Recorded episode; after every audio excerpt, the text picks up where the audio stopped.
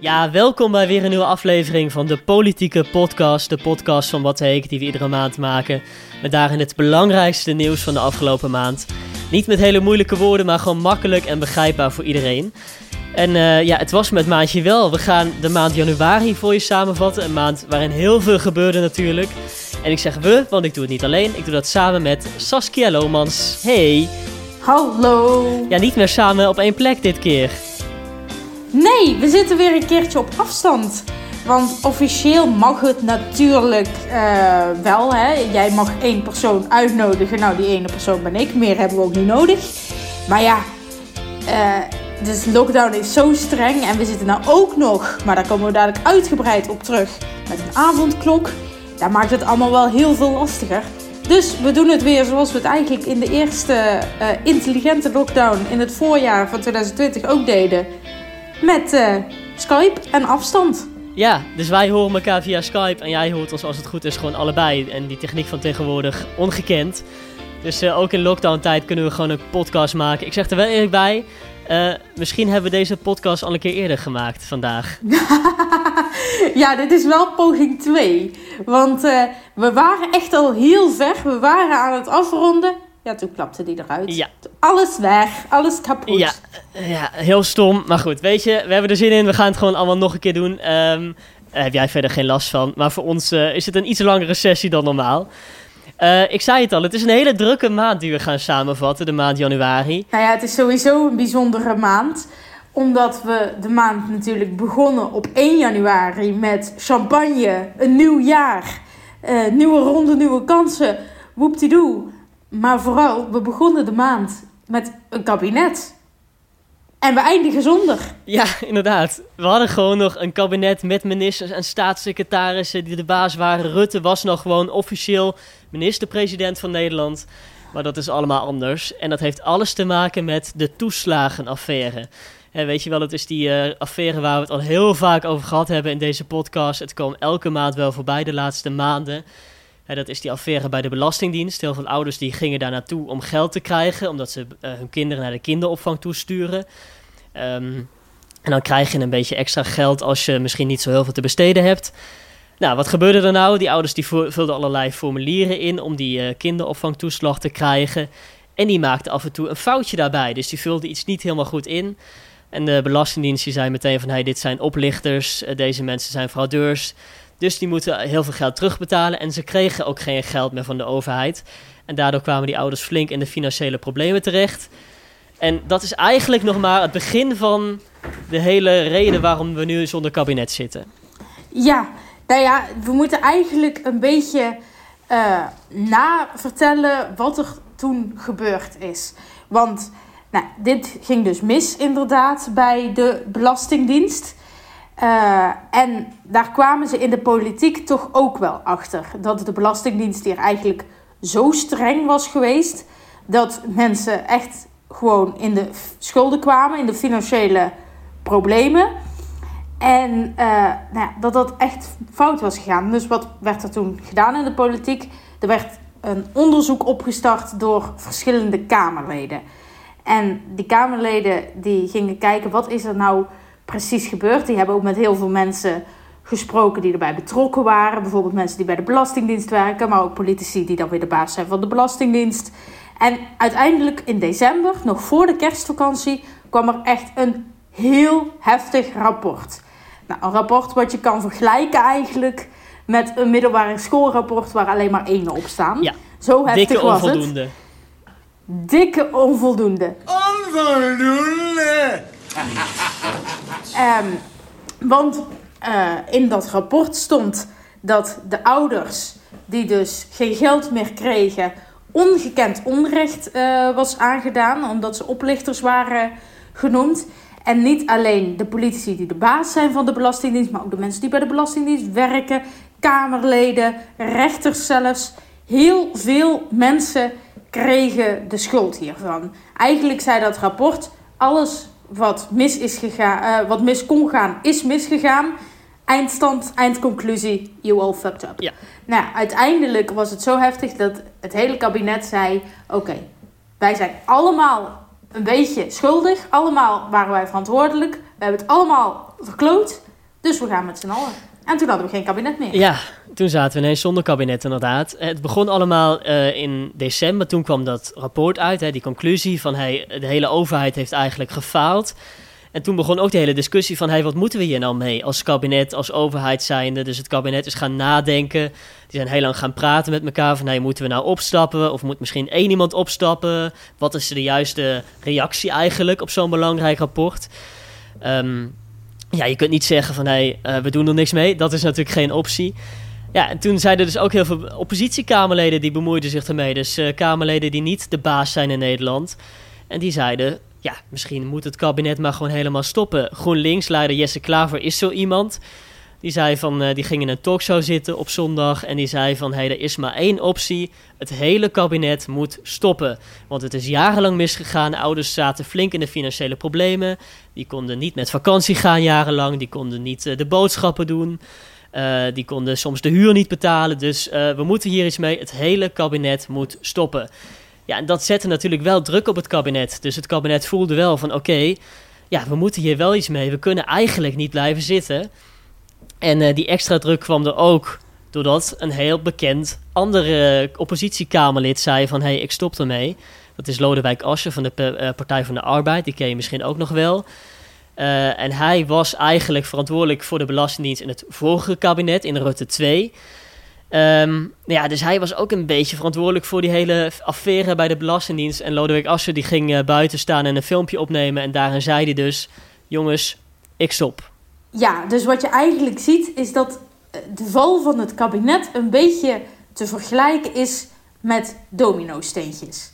En op het moment dat het eerste domino-steentje valt, dan vallen er dus meer. En op een gegeven moment zijn er zoveel gevallen dat het laatste best wel stevige domino-steentje, namelijk het kabinet, ja, ook valt. Dat is eigenlijk wat de val van het kabinet uh, een beetje is. Dus op het moment dat Klaver, uh, ondanks dat hij dus niet uh, de baas is, maar de baas eigenlijk moet controleren, oppositie versus coalitie. Hij zit in de oppositie. Um, en, maar hij zegt bij uh, Buitenhof, joh, ik vind dat ze moeten vertrekken. Dan denkt Ascher op dat moment, ja, shit, maar Klaver en ik zijn het eigenlijk politiek altijd met elkaar eens. Wij zijn politiek gezien een beetje vriendjes. En op het moment dat hij zegt dat de mensen die hier de schuld van zijn weg moeten, ja, dan moet ik eigenlijk ook wel weg. Want hij is mijn vriendje en hij steunt mij ook eigenlijk niet meer. Nou, hielp ook niet mee dat er binnen zijn eigen partij, binnen de Partij van de Arbeid, uh, ook een aantal mensen uh, zeiden van, joh, als je, als je gaat. Daar hielp natuurlijk ook niet mee. Ja, dat had ook te maken met de verkiezingen natuurlijk, hè, die eraan kwamen. Want uh, iedereen wist natuurlijk, er komt straks een campagne en dan gaan allerlei politici met elkaar in debat. En ja, die gaan iedereen, iedereen gaat natuurlijk Lodewijk Asscher pakken op die toeslagenaffaire, omdat hij toen natuurlijk verantwoordelijk was. En dat is ook een extra reden waarom ze zeiden van, hé, hey, misschien moet je toch maar stoppen, Lodewijk Asscher. Dus ja, ja, ook hij maakte dus bekend, hè, om te stoppen. Precies, en dat was het volgende, uh, op het moment dat hij dat beslist, is dat het volgende domino-steentje en het grootste domino-steentje eigenlijk wat omvalt. Want als hij, uh, terwijl hij eigenlijk al niet meer de baas is, zegt: joh, jullie hebben gelijk, dit is zo heftig, ook al ben ik nu niet meer de baas, ik stap alsnog op. Ja, dan kan de huidige baas eigenlijk niet meer zeggen van nou, dan blijf ik wel zitten. En zeker de persoon die tien jaar lang eigenlijk de baas was, die de eind baas was, de eindverantwoordelijke, die dus en Hoekstra en uh, Ascher heeft meegemaakt als uh, minister. Ja, Mark Rutte, die kon toen eigenlijk ook niet blijven zitten. Dus eigenlijk door Klaver stopte Ascher en door Ascher stopte uh, het kabinet. Dat was eigenlijk het domino-effect. Ja, en toen kreeg je inderdaad die dag in januari waarbij het kabinet dus opstapte. Dat begon allemaal nog met heel veel spanning en uh, roddels. Dus iedereen voelde al een beetje aan dat het kabinet zou vallen, dat het kabinet zou stoppen, maar het was nog niet definitief.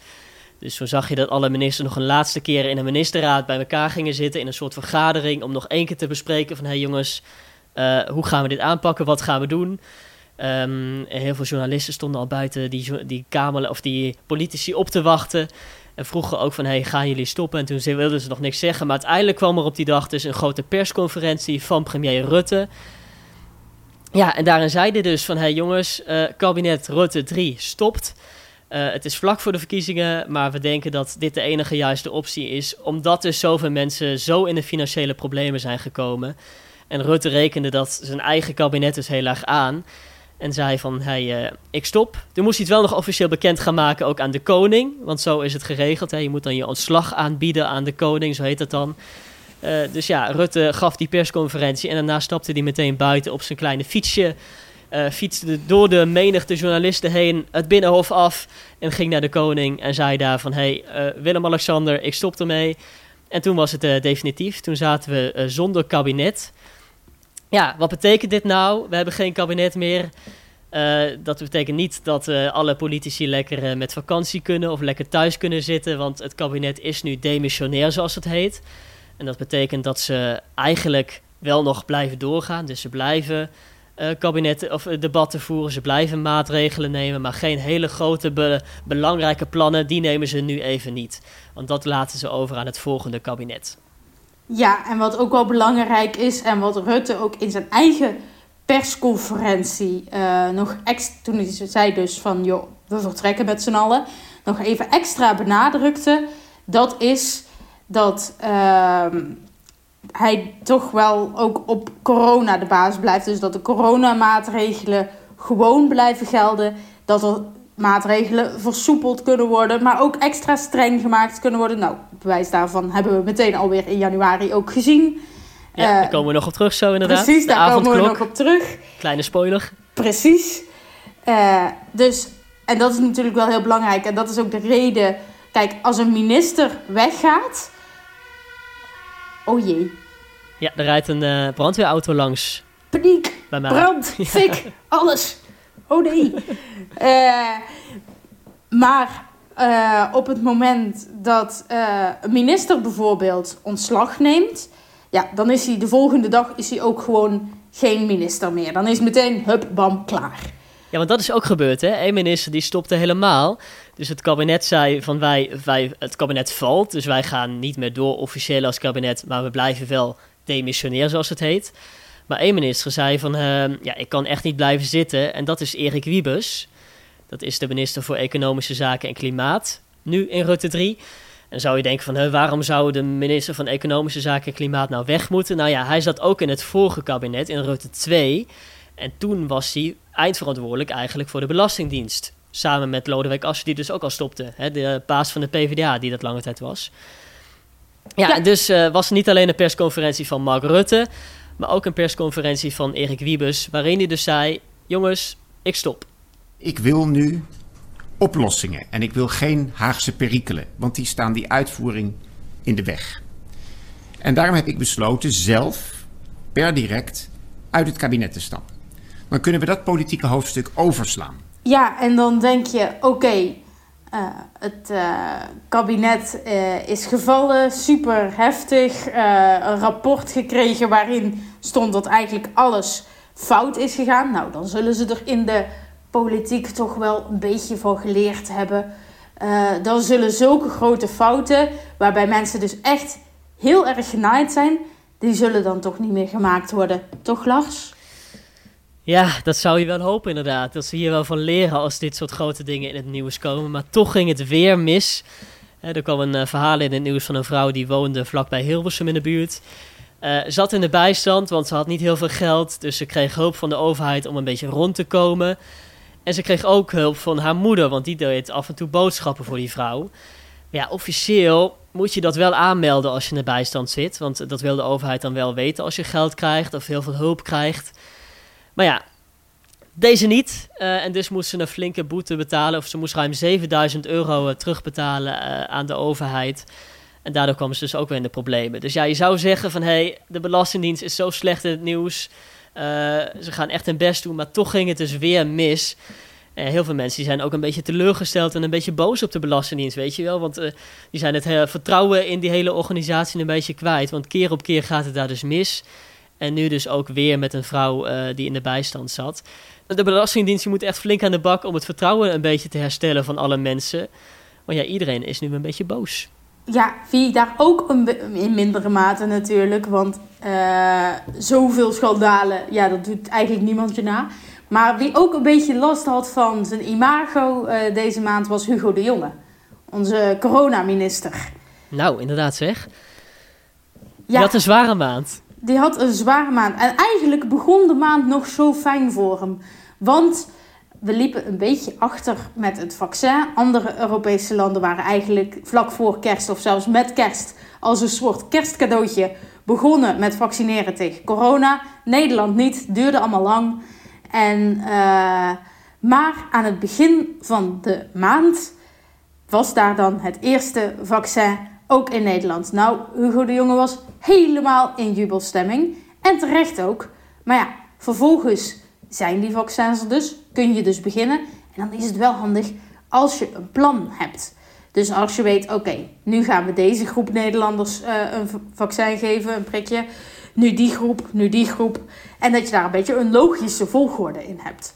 Nou is het dat al niet heel makkelijk, want er zijn natuurlijk heel veel groepen die zeggen wij zijn zo belangrijk, wij moeten eerst. Maar ja, als heel veel groepen dat zeggen, dan is het logisch dat niet iedere groep eerst kan. Uh, alleen het ding was, dat plan lag er, maar even overdreven gesteld, dat plan is nog vaker gewijzigd en veranderd dan dat er dagen zijn in januari. Ja, dat is wel dus knap, dat hè? Is wel, ja, dat is wel echt...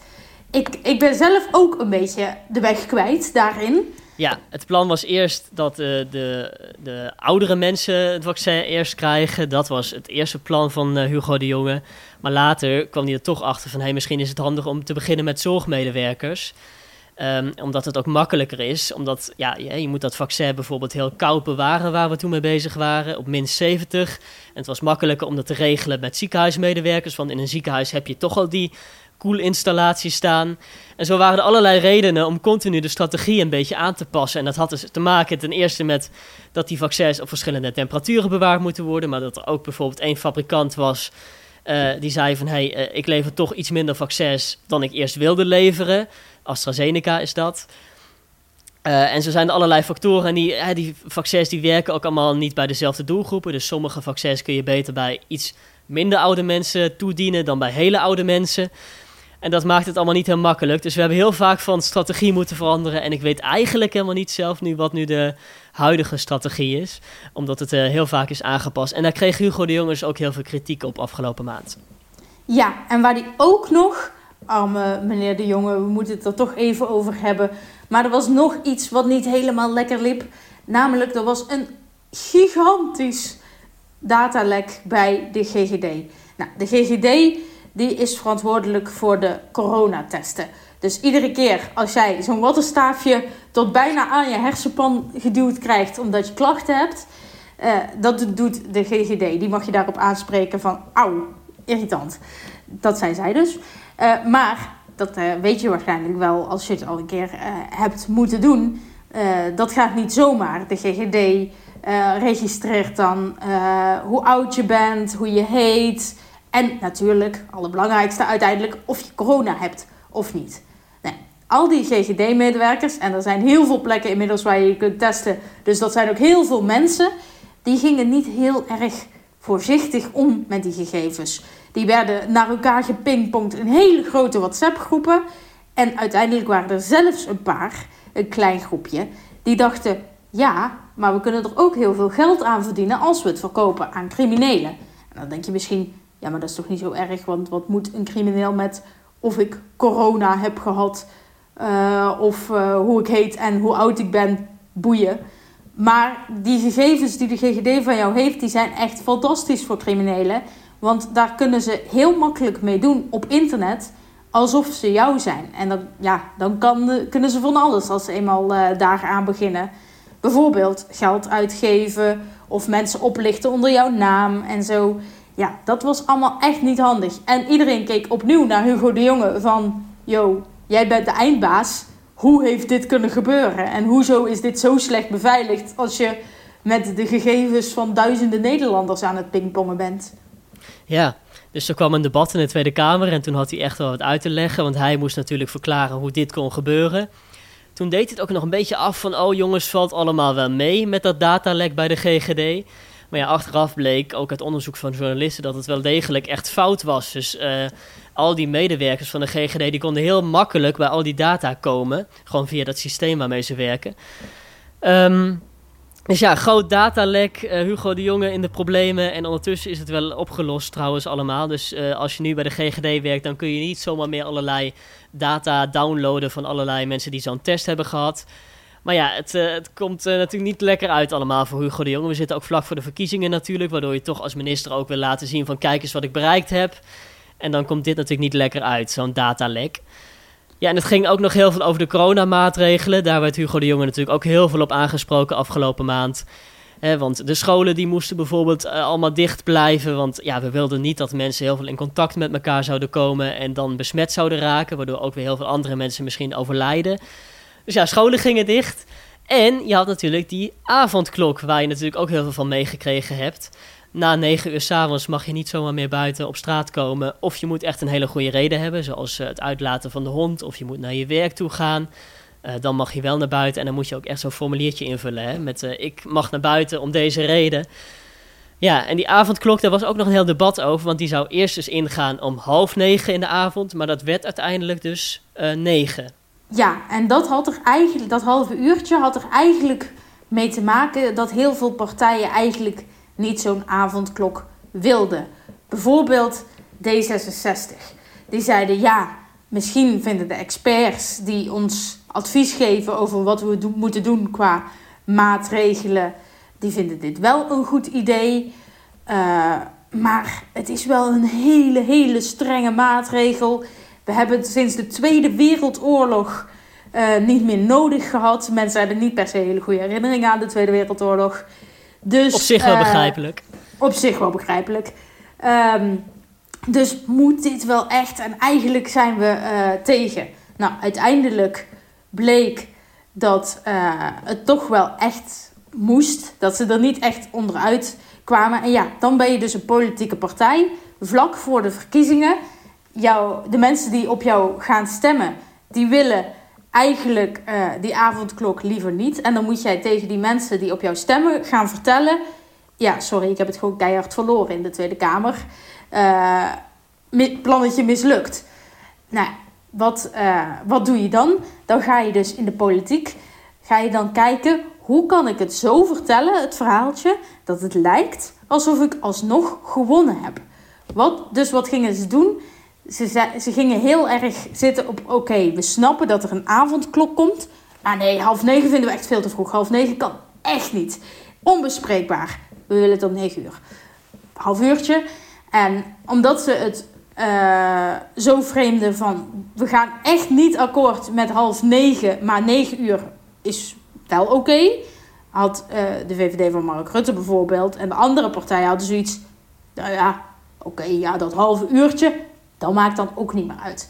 Dus uiteindelijk uh, werd het van half negen, negen uur.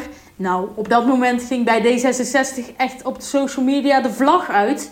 Want nou konden ze zeggen: ja, dankzij D66 is het een half uur later het mentaal gezonde D66 half uurtje. Nou, daar waren ze wel echt heel trots op hoor. Daar werd flink mee, uh, mee gepronkt. Ja, dus zij kon heel trots zeggen inderdaad van door ons hebben we een half uurtje meer de tijd uh, mogen we langer buiten blijven. En de VVD die, ja, die had ook een beetje gewonnen natuurlijk van Mark Rutte, de partij. Want die kon zeggen, wij hebben dit geregeld dat die avondklok er komt, waardoor er minder besmettingen zijn in Nederland. Dus ja, heel slim. Zo konden ze een beetje regelen dat iedereen een beetje gewonnen had. En ik denk stiekem zelfs dat uh, Rutte eigenlijk gewoon die avondklok om negen uur wilde laten ingaan. Maar dat hij dacht van, ik zeg toch in mijn plannetje half negen en dan komen we uiteindelijk een beetje het midden uit. Uh, dat is natuurlijk wel hoe politiek werkt. Dus ik kan me voorstellen dat hij er wel een beetje rekening mee hield en daarom dus half negen zei. Nou, D66 en de VVD waren dus helemaal blij en deden alsof ze heel veel uh, gewonnen uh, hadden. En uiteindelijk in de politiek kwam die avondklok, zei het een beetje ontevreden, maar hij kwam er wel. Maar voor heel veel Nederlanders ging die avondklok toch echt een stap te ver. En die men, klein groepje mensen uh, besloot uiteindelijk om dan maar te gaan rellen. En dat was echt nou ja, je hebt wel vaker dat er demonstraties zijn. Niet iedere demonstratie loopt even rustig af. Maar deze rellen, waarbij onder andere in Amsterdam, maar ook in Eindhoven en Den Bosch branden, fietsen die door de lucht vlogen, winkels geplunderd, alles. Uh, ja, dat was wel echt de heftigste rellen waren dat in, uh, in 40 jaar. Ja, echt dus dat was wel echt een dingetje. inderdaad. Dit zie je normaal wel eens in het buitenland, maar je kunt je niet voorstellen dat dit gewoon in Nederland gebeurt. Dat mensen zo de straat op gaan met als doel inderdaad hè, om echt te gaan rellen. Dus je zag, ja, je zei het al, je zag stenen door de lucht vliegen, dranghekken, fietsen. Er werden auto's in brand gestoken, stationspiano's vernield. Uh, het was echt flink raak. Het begon natuurlijk in Amsterdam en Eindhoven hè, op zo'n zondag. In Eindhoven was het helemaal raak, want daar ging het echt flink tekeer. En ook in heel veel andere steden, Den Bosch, Venlo, Roermond. Dus op heel veel plekken in Nederland uh, gingen mensen flink tekeer, omdat ze dus tegen die coronamaatregelen zijn. En heel veel mensen zeggen, vooral tegen die avondklok. En heel veel mensen zeggen ook van ja, het zijn eigenlijk vooral hooligans die gewoon even Kate wilden trappen. En het zijn trouwens ook heel veel jonge mensen vooral. Hè? Heel veel jonge jongens zie je tijdens die rellen daar. En het was maar een paar dagen. Dus het stopte gelukkig na drie, vier dagen. En toen was het ook klaar met rellen. Maar iedereen zette zich natuurlijk schrap voor echt een hele lange periode met rellen. Maar dat bleef gelukkig uit. En uh, ja, de PVV die kwam ook nog met een opvallend plan, hè, trouwens. Ja, want dan gebeurt dat dus. En dan zie je dat er vanuit de politiek dus op gereageerd moet worden. Nou, bijvoorbeeld uh, minister Grapperhuis deed dat. Dat is ook logisch, want hij is de minister van Veiligheid en uh, Justitie, of Justitie en Veiligheid tegenwoordig, precies andersom. Maar hij is dus de baas ook van de politie. En die zei: deze mensen zijn zo, hebben zoveel dingen kapot gemaakt. En dit was zo heftig dat ik vind dat we nog strenger moeten straffen dan dat we normaal doen bij ruilschoppers.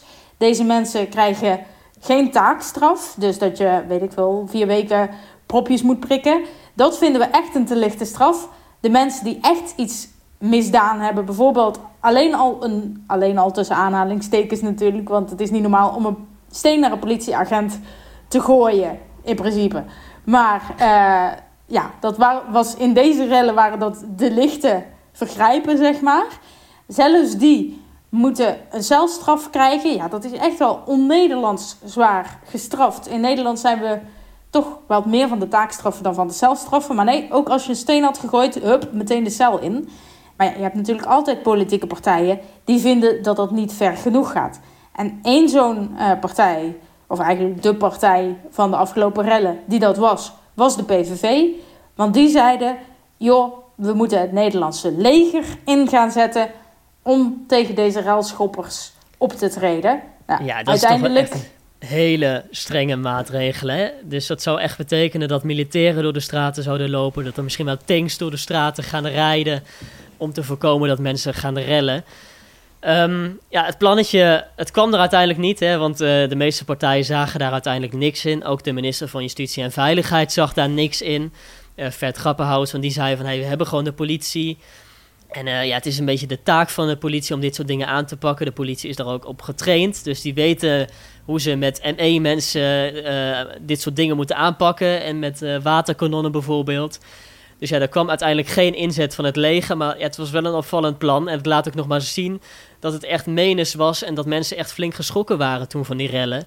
Um, ja, goed, er kwam een einde aan die rellen gelukkig. Dus er waren gelukkig nog andere dingen die speelden afgelopen maand. Zoals? De verbouwing van het Binnenhof. Daar is hij weer! Jazeker. Ik Dit is ook een onderwerp wat we heel veel meenemen in de podcast altijd. Hè? Want het is een hele soap ondertussen. Het Binnenhof, dat is zo oud. Dat gaat al heel lang mee. En uh, weet je, er zijn ondertussen heel veel dingen stuk aan het gaan. Er is heel veel lek. En er zijn scheuren ook te zien in de wanden. Dus ondertussen moet er gewoon een, ja, een flinke verbouwing uh, aan te pas komen. En uh, ja, er zijn al heel lang plannen over gemaakt, maar die zijn ook steeds veranderd. En er is ondertussen al een tweede Tweede Kamer gebouwd, een soort namaak Tweede Kamer, waar al die politici naartoe kunnen. Maar heel veel Kamerleden zeiden lange tijd van, hé, hey, we willen die verbouwing helemaal niet. Of we willen dat het nog wat langer duurt, want het nieuwe gebouw is niet helemaal coronaproof. Maar we hebben nu nieuws, Saskia, want uh, de verbouwing gaat er toch echt komen komende zomer. Ja, een paar jaar te laat. Heel veel weerstand en protest en toch weer een nieuw onderzoek en we willen niet en boe. Verder, komende zomer. Ze gaan echt, echt, echt even weg van het Binnenhof naar het gebouw, zoals, wat best wel mooi de Apenrots heet. Wat ja, een toepasselijkere naam voor een politiek gebouw krijg je denk ik niet. Want het is een beetje een apenrots. Het is echt heel lelijk, hè? Het is een soort bunker eigenlijk. Het is echt fucking lelijk. Dus ik snap die protesteer... Uh, onze voorzitter uh, van de Tweede Kamer, uh, Khadija Ariep, voorop. Ik snap ze wel dat ze er geen zin in hebben. Maar het was wel echt, echt heel hard nodig. Dus het is op zich maar goed dat het ook uiteindelijk deze zomer gaat gebeuren. En ja, nou ja, het is dan wel heel uh, balen dat het ook zo lang duurt. Want we zijn dan ook wel echt meteen vijf jaar weg. Ja, je weet hoe het gaat met verbouwingen. Vaak duurt het dan iets langer dan gepland. Dus het zou ook nog eens wat langer dan vijf jaar kunnen duren.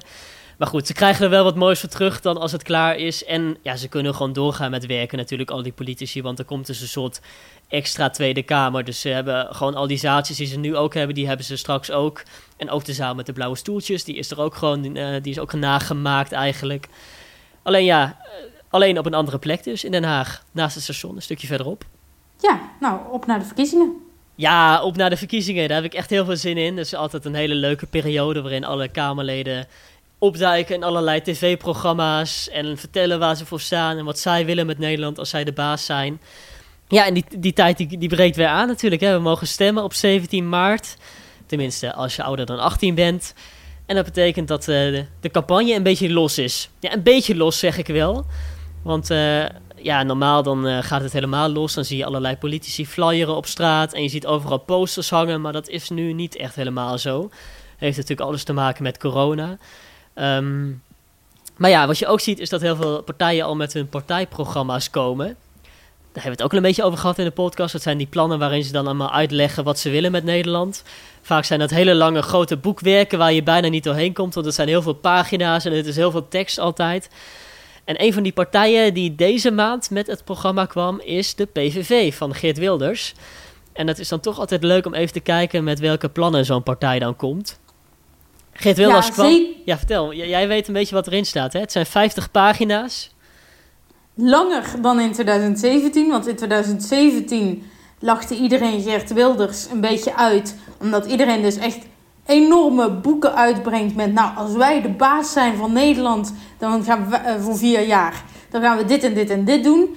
Uh, en Geert Wilders had in 2017 één A4'tje met nou, ik denk dat ik dit wel een goed idee vind. En daar had hij niet eens bijgeschreven wat het dan kost. Uh, dus hij had eigenlijk niet eens echt een serieus programma. En nou, uiteindelijk uh, heeft hij dat nu deze ronde weer wel gedaan. Laat ook zien dat hij zichzelf ook wat serieuzer weer is gaan nemen. Van, oh, ik kan eigenlijk best wel dingen. En ik ben echt nog steeds wel een hele grote, belangrijke speler. Het is toch de tweede partij van Nederland, hè? Qua, qua zetels Precies. in de Tweede Kamer nu. Daarom. En dat, was, dat had hij eigenlijk ook op basis van zijn A4'tje had hij ook al veel zetels gekregen, dus veel stemmen. En uh, nu heeft hij dus een nieuw programma, 50 pagina's. En nou ja, een van de dingen waar veel mensen boos over waren, was dat de PVV een ministerie voor de-islamisering en remigratie wil. Nou ja, eigenlijk het klinkt allemaal heel heftig en heel spannend, maar eigenlijk is het wat ze al jaren zeggen. Namelijk, wij willen de islam uit Nederland als godsdienst, de islamisering. En we willen alle mensen die hier van niet-Nederlandse komaf zijn, het land uitzetten, remigratie. Dus eigenlijk, het klinkt heel chic en het klinkt heel heftig van wow, hij wil er nu zelfs een minister voor. Maar het is eigenlijk wat die man al 15 jaar roept. Ja, dus in die zin inderdaad geen verrassing. Uh, ja, het, is een beetje doorzetten waar de PVV eigenlijk altijd al voor staat. Hè? Tegen de islam natuurlijk. Um, ook een andere partij die met het programma komt is Ja21. Het zou kunnen dat je die nog niet kent, want ja, hij bestaat nog maar net eigenlijk. Uh, dat is de partij van uh, twee mensen die uit Forum voor Democratie zijn gestapt. En er was natuurlijk een hele grote ruzie bij de partij. Dat hebben we ook al uitgelegd in de, in de podcast. Heel veel politici zeiden toen van... hey, ik wil echt geen lid meer zijn van deze club... Uh, Joost Eertmans is zo iemand en ook Annabel Nanninga. Die zijn een nieuwe partij begonnen en die hebben ook een opvallend plan in hun verkiezingsprogramma staan. Want die willen een hele nieuwe stad bouwen in Nederland. Ja, dat is ook een manier om, want we hebben natuurlijk nu best wel wat woningen tekort. Uh, dat, ja, er, er moet gewoon echt best wel wat bijgebouwd worden om iedereen in Nederland een goed huisje, een goed plekje te geven. En iedere partij heeft daarvoor wel plannen natuurlijk in zijn verkiezingsprogramma staan, hoe ze dat willen gaan aanpakken. Maar het meest bijzondere gaat toch wel naar jaar 21 die zegt... Ja, wat we met Flevoland gedaan hebben, een hele nieuwe provincie bouwen... dat kennen we toch ook wel nog een keer doen, maar dan met de stad... Ja. Kennen daar al die mensen gaan wonen die nou geen huis kunnen vinden. Einde, ja, opgelost. niet echt heel haalbaar natuurlijk. En het is nog, nog de vraag of ze hier een meerderheid voor krijgen. Ik denk het niet. Ik weet zeker van niet. want je hebt natuurlijk wel een meerderheid nodig om je plannen uit te kunnen voeren. 76 Kamerleden moeten minimaal voorstemmen. En uh, vooralsnog is er geen enkele partij die zei van... Hey, we vinden dit een goed idee. En daar komt bij dat deze partij natuurlijk ook überhaupt in de Tweede Kamer moet komen. Want dit, op dit moment zitten ze natuurlijk niet in de Tweede Kamer. Dus ze hopen zometeen minimaal één zetel uh, te kunnen bemachtigen. Maar dat is natuurlijk ook nog even afwachten. Um, andere partij is de Partij van de Arbeid. Dat is de partij van uh, Lodewijk Asscher, die dus stopte afgelopen maand als minister of als uh, partijleider van die partij ja, dat betekende dus dat er een plekje vrij was voor een nieuwe lijsttrekker, voor een nieuwe persoon die straks al die debatten gaat voeren tijdens de campagne. En um, ja, ze hebben er lang over nagedacht, een paar dagen maar, valt mee. Um, het ging onder andere tussen Ariep, dat is de Kamervoorzitter op dit moment, en ook tussen Liliane Ploemen, dat is een van de Kamerleden. Ze hebben zelfs nog even nagedacht over Frans Timmermans, dat is iemand die in de Europese Unie zit namens Nederland. Maar uiteindelijk ging het dus voor uh, Liliane Ploemen. En dat is dus de nieuwe partijleider van de Partij van de Arbeid. En Ploemen die zat meteen wel lekker in de wedstrijd. Want die dacht meteen uh, bij uh, een paar weken later, ze zat er echt net. Ze had net er hoi, ik ga het doen speech gehouden.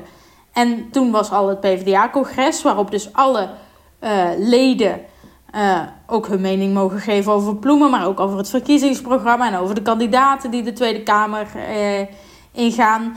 En Ploemen dacht, het is een mooi moment om meteen even te laten zien wie ik ben. Ik ga Rutte aanvallen. Nou, dat is niet heel origineel, uh, mevrouw Ploemen. Want op diezelfde dag waren er nog twee andere partijen die zeiden: Goh, alle leden van ons, kom even bij elkaar. Normaal is dat ook echt fysiek zo. Nu was het allemaal online, want ja, corona. Uh, maar dan gaan we het even hebben over de komende verkiezingen. En ook bij het CDA en ook bij GroenLinks dachten ze: Weet je wat nou een origineel idee is? We gaan Mark Rutte aanvallen. Ja, want dat is de man die het nieuw voor het zeggen heeft. Hè? Dus je ziet dat uh, in de oppositie altijd heel erg streng controleren wat dan de mensen doen die echt de baas zijn. Ja, en eh, dus ook het CDA is een van de partijen die Rutte dus aanviel. En dat is wel opvallend, hè? want het CDA is natuurlijk een partij die nu in de coalitie zit. Dus uh, het CDA zit samen met de partij van Mark Rutte nu in het kabinet. Dus die hebben de afgelopen vier jaar heel veel plannetjes door kunnen drukken. En dan is er natuurlijk wel een heel beetje. Veel samengewerkt. Heel veel dus samengewerkt. Niet alleen in dit kabinet, maar ook in, in het kabinet Rutte 1. Um, ehm, en dan is het natuurlijk wel opvallend dat deze partij juist Rutte zo gaat aanvallen. Dus heel veel mensen zeiden ook van... Uh, Wopke Hoekstra, wat doe je nou? Dit is toch een beetje gek. Ehm, maar hij was dus echt heel fel. Hij zei echt van, hey, Rutte, uh, dit was echt verkeerd. Hij heeft heel veel uh, beloftes gebroken in de tijd dat hij de baas was. En um, ja, dat is echt een hele felle aanval op de man waar hij nu mee samenwerkt van Wopke Hoekstra.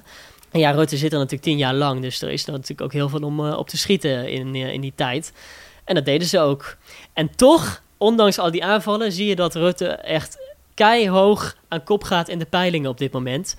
Ja, ze vragen af en toe wel eens aan de mensen van... Hey, als er nu verkiezingen zouden zijn, waar zou je dan op stemmen? En dan zeggen dus heel veel mensen nog steeds... ik zou stemmen op de VVD van Mark Rutte. Dus ja, het lijkt er gewoon op dat Rutte weer de grootste partij wordt... en uh, dat, ze, dat er straks gewoon een, kabinet Rutte 4 komt... en dat Rutte weer de basis is van Nederland, ondanks al die aanvallen. Ja, en daar komen die, die aanvallen natuurlijk ook wel een beetje uh, vandaan. Hè? Want je, je kan wel iemand aanvallen die op twee of drie zetels staat, doen ze ook wel. Maar ja, er is natuurlijk veel meer winst te behalen bij een partij waar heel veel mensen op willen gaan stemmen. Want als mensen dan uiteindelijk besluiten: oh ja, dat is inderdaad wel waar. Nee, die Rutte is toch inderdaad. Laten we dat maar niet doen. Ja, dan kunnen die mensen zomaar ineens op jouw partij uh, gaan stemmen. Dus dat, dat Rutte het zo goed doet in die uh, peilingen, dat heel veel mensen nu zeggen: wij willen wel op Rutte gaan stemmen. Dat zorgt er eigenlijk ook voor dat hij veel meer aangevallen wordt. Ja, een partij willen natuurlijk ook een beetje opvallen nu in deze tijd, uh, in deze verkiezingstijd. En je ziet dat heel veel aandacht nu natuurlijk uitgaat naar Mark Rutte, want ja, hebt die coronacrisis. En Mark Rutte is toch een beetje in het gezicht van die hele coronacrisis. Hij staat er altijd op die persconferenties en spreekt het land toe. En ja, die andere partijen die verdwijnen toch een beetje naar de achtergrond af en toe. Dus uh, die proberen extra hun best te doen om een beetje op te vallen. En vallen Rutte dus nu extra aan. En dat zul je de komende weken ook extra heel veel zien, denk ik. Uh, ja, hoe dichter we bij de verkiezingen echt komen, hoe groter de aanvallen. En dan komt een hele spannende tijd aan, want er zijn heel veel debatten straks op tv, op de radio. En dan laten partijen zien waar ze voor staan. En dan gaan ze echt met elkaar in discussie.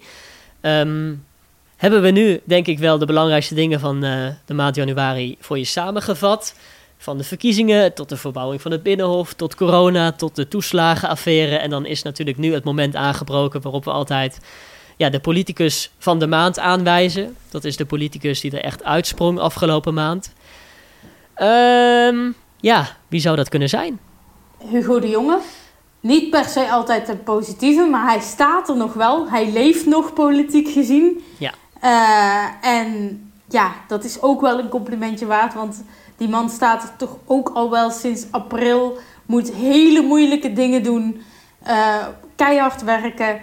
En nou ja, Rutte kan soms ook wel heel makkelijk zeggen van als iets niet goed gaat, ja, dat is Hugo zijn schuld. Uh, waardoor Hugo de Jonge ook wel echt al het gezeik over zich heen krijgt.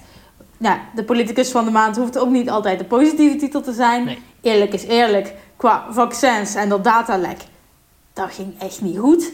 Dus dat, dat mag ook wel echt benoemd worden qua kritiek. Uh, maar oké, ik ga voor Hugo Jonge. Ja, en ik vind het ook mooi dat hij ondanks alles altijd heel positief blijft en blijft lachen. En uh, ja, ik denk dat hij het echt heel erg naar zijn zin heeft op zijn post. Het is natuurlijk keihard werken wat hij nu doet. Als uh, een beetje de coronabaas. Maar hij doet het toch maar wel. En alles is natuurlijk nieuw. Dus alle problemen waar hij mee te maken heeft. Ja, dat zijn natuurlijk allemaal problemen waar we voor het eerst mee te maken hebben in Nederland. Dus ja, logisch in die zin misschien ook wel dat niet alles goed gaat. Maar ja, hij moet toch een beetje aan de bak om zijn vertrouwen te herstellen. Want heel veel mensen zijn toch boos op hem. Dus bij deze een uh, kleine steuntje in de rug. Uh, ja, Wopke Hoeks, of um, Hugo de Jonge, onze politicus van de maand. Ja, Wopke Hoekstra is het niet. Herkenbare vergissing, ja, herkenbare vergissing. Ook van het CDA natuurlijk. Het CDA. Ja. ja, precies. Ja, hey, um, de komende maand, we gaan altijd een beetje vooruitblikken op de maand uh, die komen gaat. Ik zei het al, hè, het wordt echt een verkiezingsmaand, denk ik, met heel veel, met heel veel debatten en uh, heel veel campagne. Want heel veel partijen willen natuurlijk dat je op hun uh, gaat stemmen zometeen. Ja, ik denk dat dat wel echt het aller, aller, allerbelangrijkste voor februari gaat zijn. Buiten alle corona-dingen die nog steeds doorlopen. Avondklok verlengen, avondklok niet verlengen. Uh, dat soort dingetjes. Uh, dat, en kunnen we misschien, ja, de basisscholen gaan weer open. Gaat dat goed? Veel, mensen, veel basisscholen hebben alweer gezegd over 8 februari: ja, we zijn er eigenlijk helemaal niet blij mee. Wat gaat er gebeuren met de eindexamens, met de middelbare scholen? Dat zijn allemaal corona-dingetjes die uh, nog gaan spelen. Waar de politiek uiteindelijk ook gewoon de eindbaas over is. Maar als je gewoon puur en alleen politiek gaat kijken, ja, de campagne is wel los hoor.